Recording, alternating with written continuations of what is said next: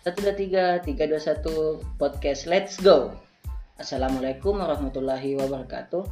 Saya Rahmat Afandi, saya mahasiswa Universitas Muslim Indonesia jurusan Ilmu Komunikasi angkatan 2019.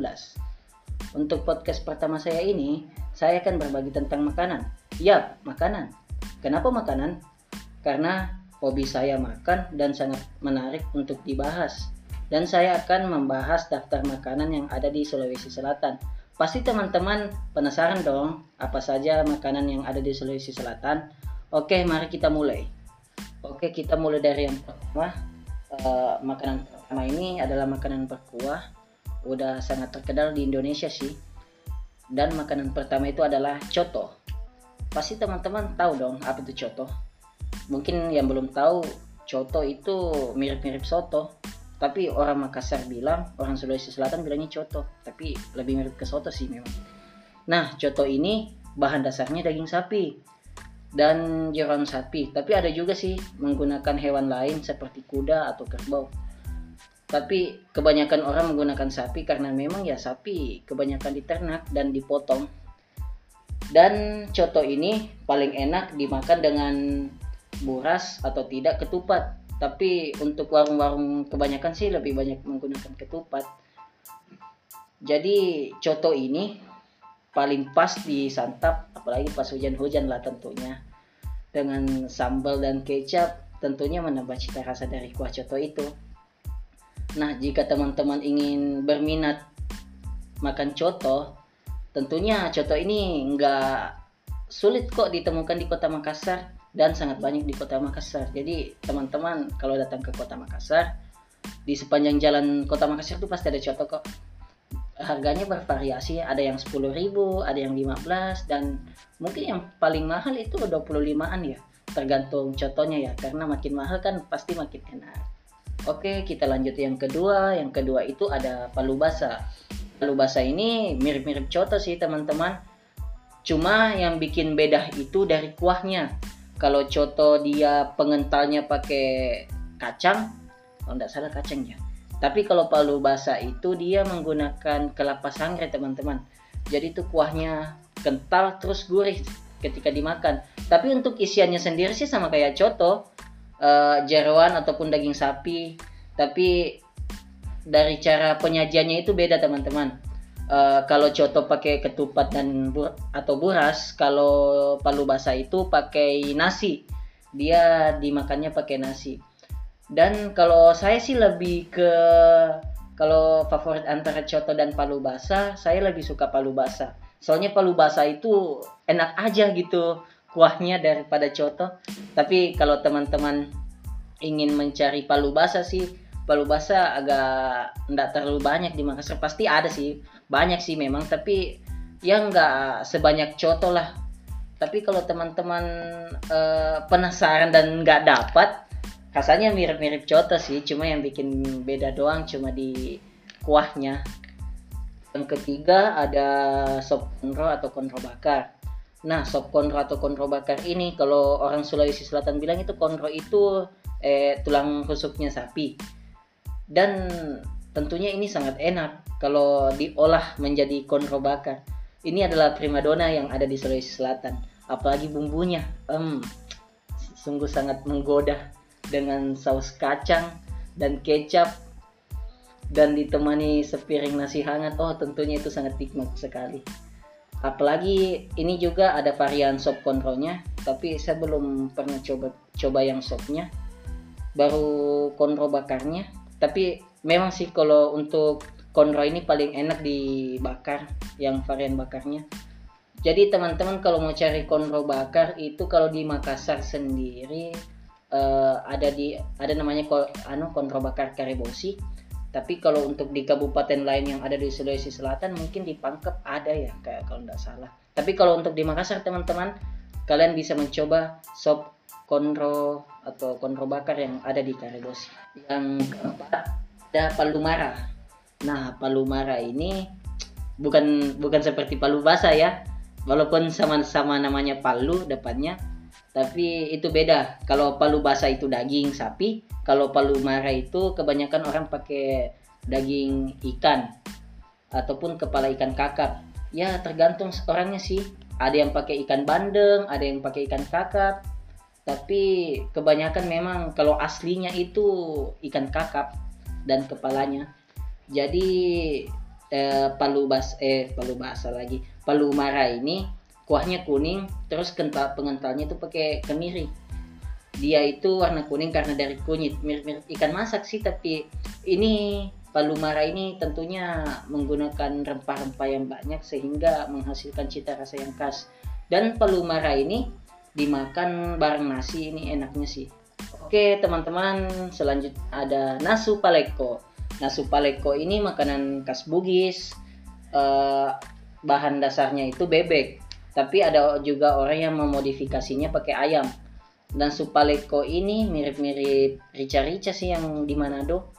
Dan juga nasu paleko ini tergantung yang pembuatnya mau pedis atau kagak.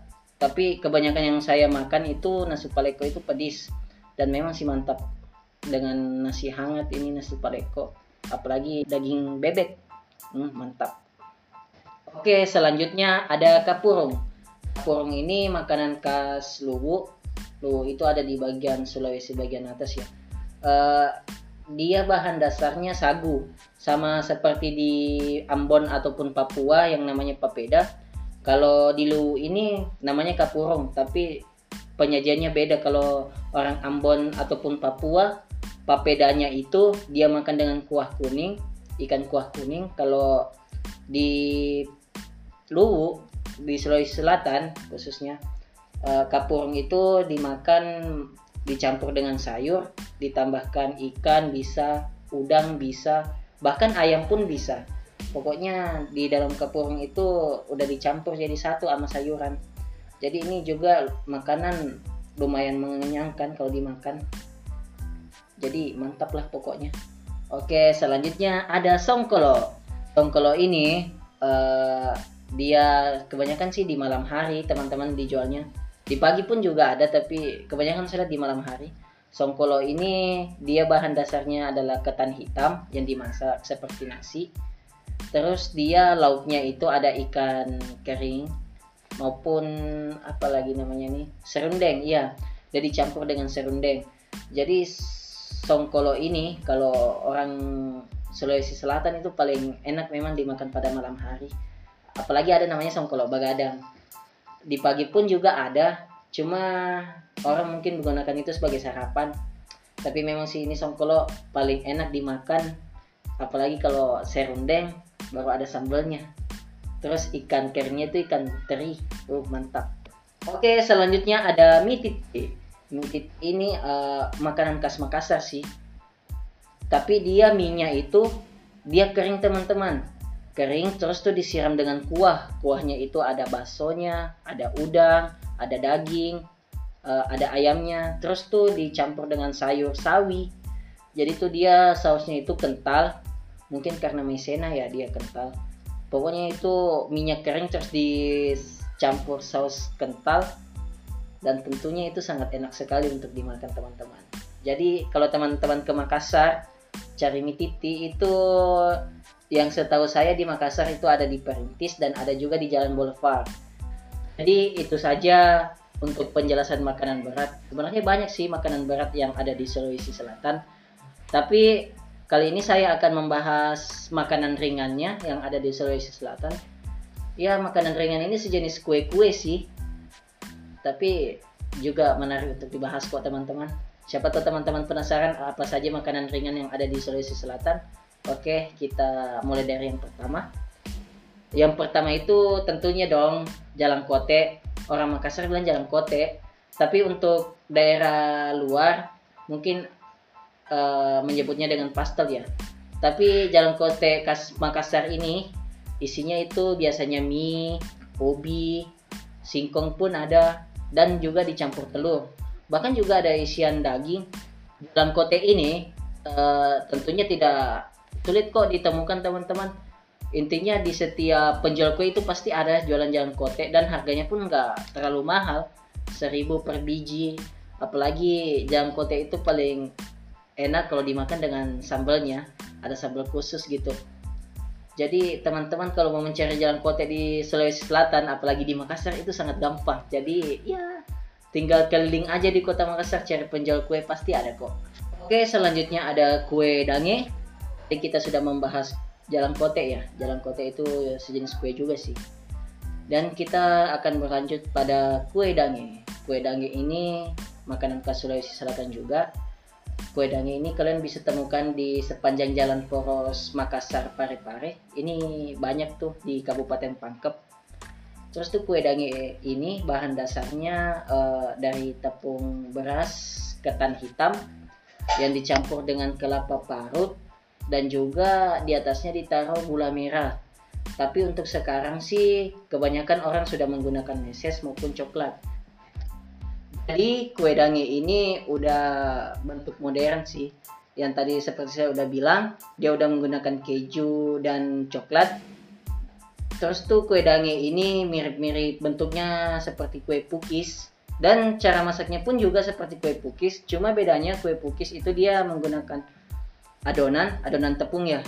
Kalau kue dange ini dia legit kalau dimakan nggak kayak kue pukis. Uh, bicara soal kue dange tadi, yang beda dengan kue pukis tentunya. Jadi teman-teman kalau misalkan mencari kue dange ini kalau di Makassar sendiri saya kurang tahu ya kayaknya ada atau tidak ada. Tapi bagi saya kalau ingin mencari kue dange saran saya pergi ke Kabupaten Pangkep. Ada kabupaten yang namanya Kabupaten Pangkep itu di antara Jalan Poros Makassar dan Parepare. Dan harganya pun cukup murah bagi saya 25.000 eh, per box dan isi boxnya itu ada 10 kue. Jadi cukuplah untuk kalian untuk makan sendiri. Dan berdua pun kayaknya cukup untuk dimakan itu. Apalagi sama teh. Mantap. Oke kita masuk pada cemilan berikutnya atau makanan ringan berikutnya. Ada pisang epe. Pisang epe ini cukup terkenal di Sulawesi Selatan. Dan paling banyak itu dijual di Anjungan Pantai Losari. Jika teman-teman lagi jalan-jalan di Pantai Losari pasti tidak sulit kok menemukan ini uh, pisang epe ini. Pisang epe ini dari namanya ya udah pasti pisang dong. Pisang yang dibakar terus dipipihkan terus nanti dikasih dengan kuah gula merah. Itu versi tradisionalnya. Nah untuk versi modernnya itu udah dicampur dengan keju coklat bubuk milo ada juga uh, kelapa mungkin. Pokoknya udah modern lah udah mengikuti zaman tentunya. Jadi teman-teman yang penasaran dengan uh, pisang epe ini jika teman-teman ke Pantai Losari pasti ada. Dan sepanjang jalan itu pasti ada yang jualan. Dan saya merekomendasikan makanan ini karena ini memang sangat enak. Nah ada lagi nih olahan pisang yang cukup terkenal di Sulawesi Selatan. Entah kenapa Sulawesi Selatan itu suka sekali ya mengolah pisang dan salah satunya ini yang cukup terkenal di Indonesia yaitu es pisang hijau. Es pisang hijau ini udah sangat terkenal tentunya. Jadi es pisang hijau ini pisang yang dibungkus dengan adonan yang berwarna hijau. Ada dua versi sih ada yang bentuk dadar maksudnya adonannya yang berbentuk dadar ada juga yang adonannya dikukus dulu. Nah untuk sausnya sendiri itu namanya saus santan ya. Dia menggunakan saus santan terus dikasih sirup merah khas Makassar ada sirup merahnya khas Makassar sendiri khas Sulawesi Selatan lah. Dan dicampur es. Uh paling segar ini kalau dimakan siang hari. Dan kebanyakan ini eh, es pisang hijau ini cukup mudah kok ditemukan di Makassar. Dan paling tentunya paling banyak ini es pisang hijau dijual di bulan Ramadan karena memang ini adalah menu yang paling favorit untuk buka puasa jadi teman-teman yang mau mencari ini gampang aja kok. Pasti ada di setiap kota Makassar. Kalau kita tadi sudah membahas olahan pisang sebelumnya yaitu ada pisang epe dan pisang hijau nah olahan pisang selanjutnya selanjutnya ini yang cukup terkenal di Sulawesi Selatan maupun Makassar itu ada namanya es palu butung. Es palu butung ini mirip-mirip pisang hijau sih teman-teman. Cuma bedanya pisangnya itu nggak pakai adonan warna hijau dia udah dicampur dengan palu butungnya itu nah tadi yang es pisang hijau itu namanya sausnya itu namanya palu butung yang putih-putih itu loh warnanya yang terbuat dari santan Nah, es palu butung sama es pisang hijau ini bedanya di situ. Kalau pisang hijau tadi menggunakan adonan yang di pisang yang dibungkus adonan, kalau uh, palu butung ini pisang langsung yang direndam ke dalam saus palu butung itu. Jadi ya cara penyajiannya pun juga sama, dicampur es, dicampur sirup merah khas Sulawesi Selatan. Jadi ya cukup menyegarkan juga ini teman-teman. Kalau mau mencari ini kalau saya perhatikan sih kayaknya ada dijual di sepanjang jalan kota Makassar. Paling kalau orang jual es pisang hijau pasti ada juga es polo butungnya oke dan satu lagi tambahan ya itu sih minuman sih. Ini minuman yang cukup terkenal di Sulawesi Selatan. Namanya saraba. Saraba ini uh, kalau di orang Jawa bilang wedang ya. Memang saraba dan wedang ini sama-sama berbahan dasar jahe. Cuma bedanya kalau wedang itu mungkin murni jahe tapi kalau saraba sendiri itu menggunakan campuran gula merah dan ada juga orang biasanya mencampur saraba itu saraba itu dengan telur bebek ataupun telur ayam. Nah itu mereka tuh biasanya campur sebagai penambah stamina yang saya dengar. Pokoknya saraba ini karena bahan dasarnya jahe tentunya hangat dong. Dan paling cocok saraba ini memang diminum di malam hari apalagi ditemani dengan gorengan seperti singkong goreng ataupun uh, gorengan lainnya. Nah itu dia makanan-makanan yang ada di Sulawesi Selatan mulai dari makanan berat, makanan ringan sampai minumannya pun ada. Sebenarnya banyak sih makanan yang terkenal di Sulawesi Selatan. Cuman yang saya bisa jelaskan itu saja dulu. Jadi teman-teman buat para pendengar podcast saya saya akan membuat podcast selanjutnya tidak tahu saya akan membawakan tema apa tapi tunggu aja karena ini kebetulan podcast pertama saya jadi saya berharap dukungan serta saran ataupun kritikan dari teman-teman tentang podcast saya ini. Karena mungkin saya menyampaikan informasi yang sangat terbatas ataupun salah pengucapan kata jadi mohon dimaafkan. Jadi itu saja. Wassalamualaikum warahmatullahi wabarakatuh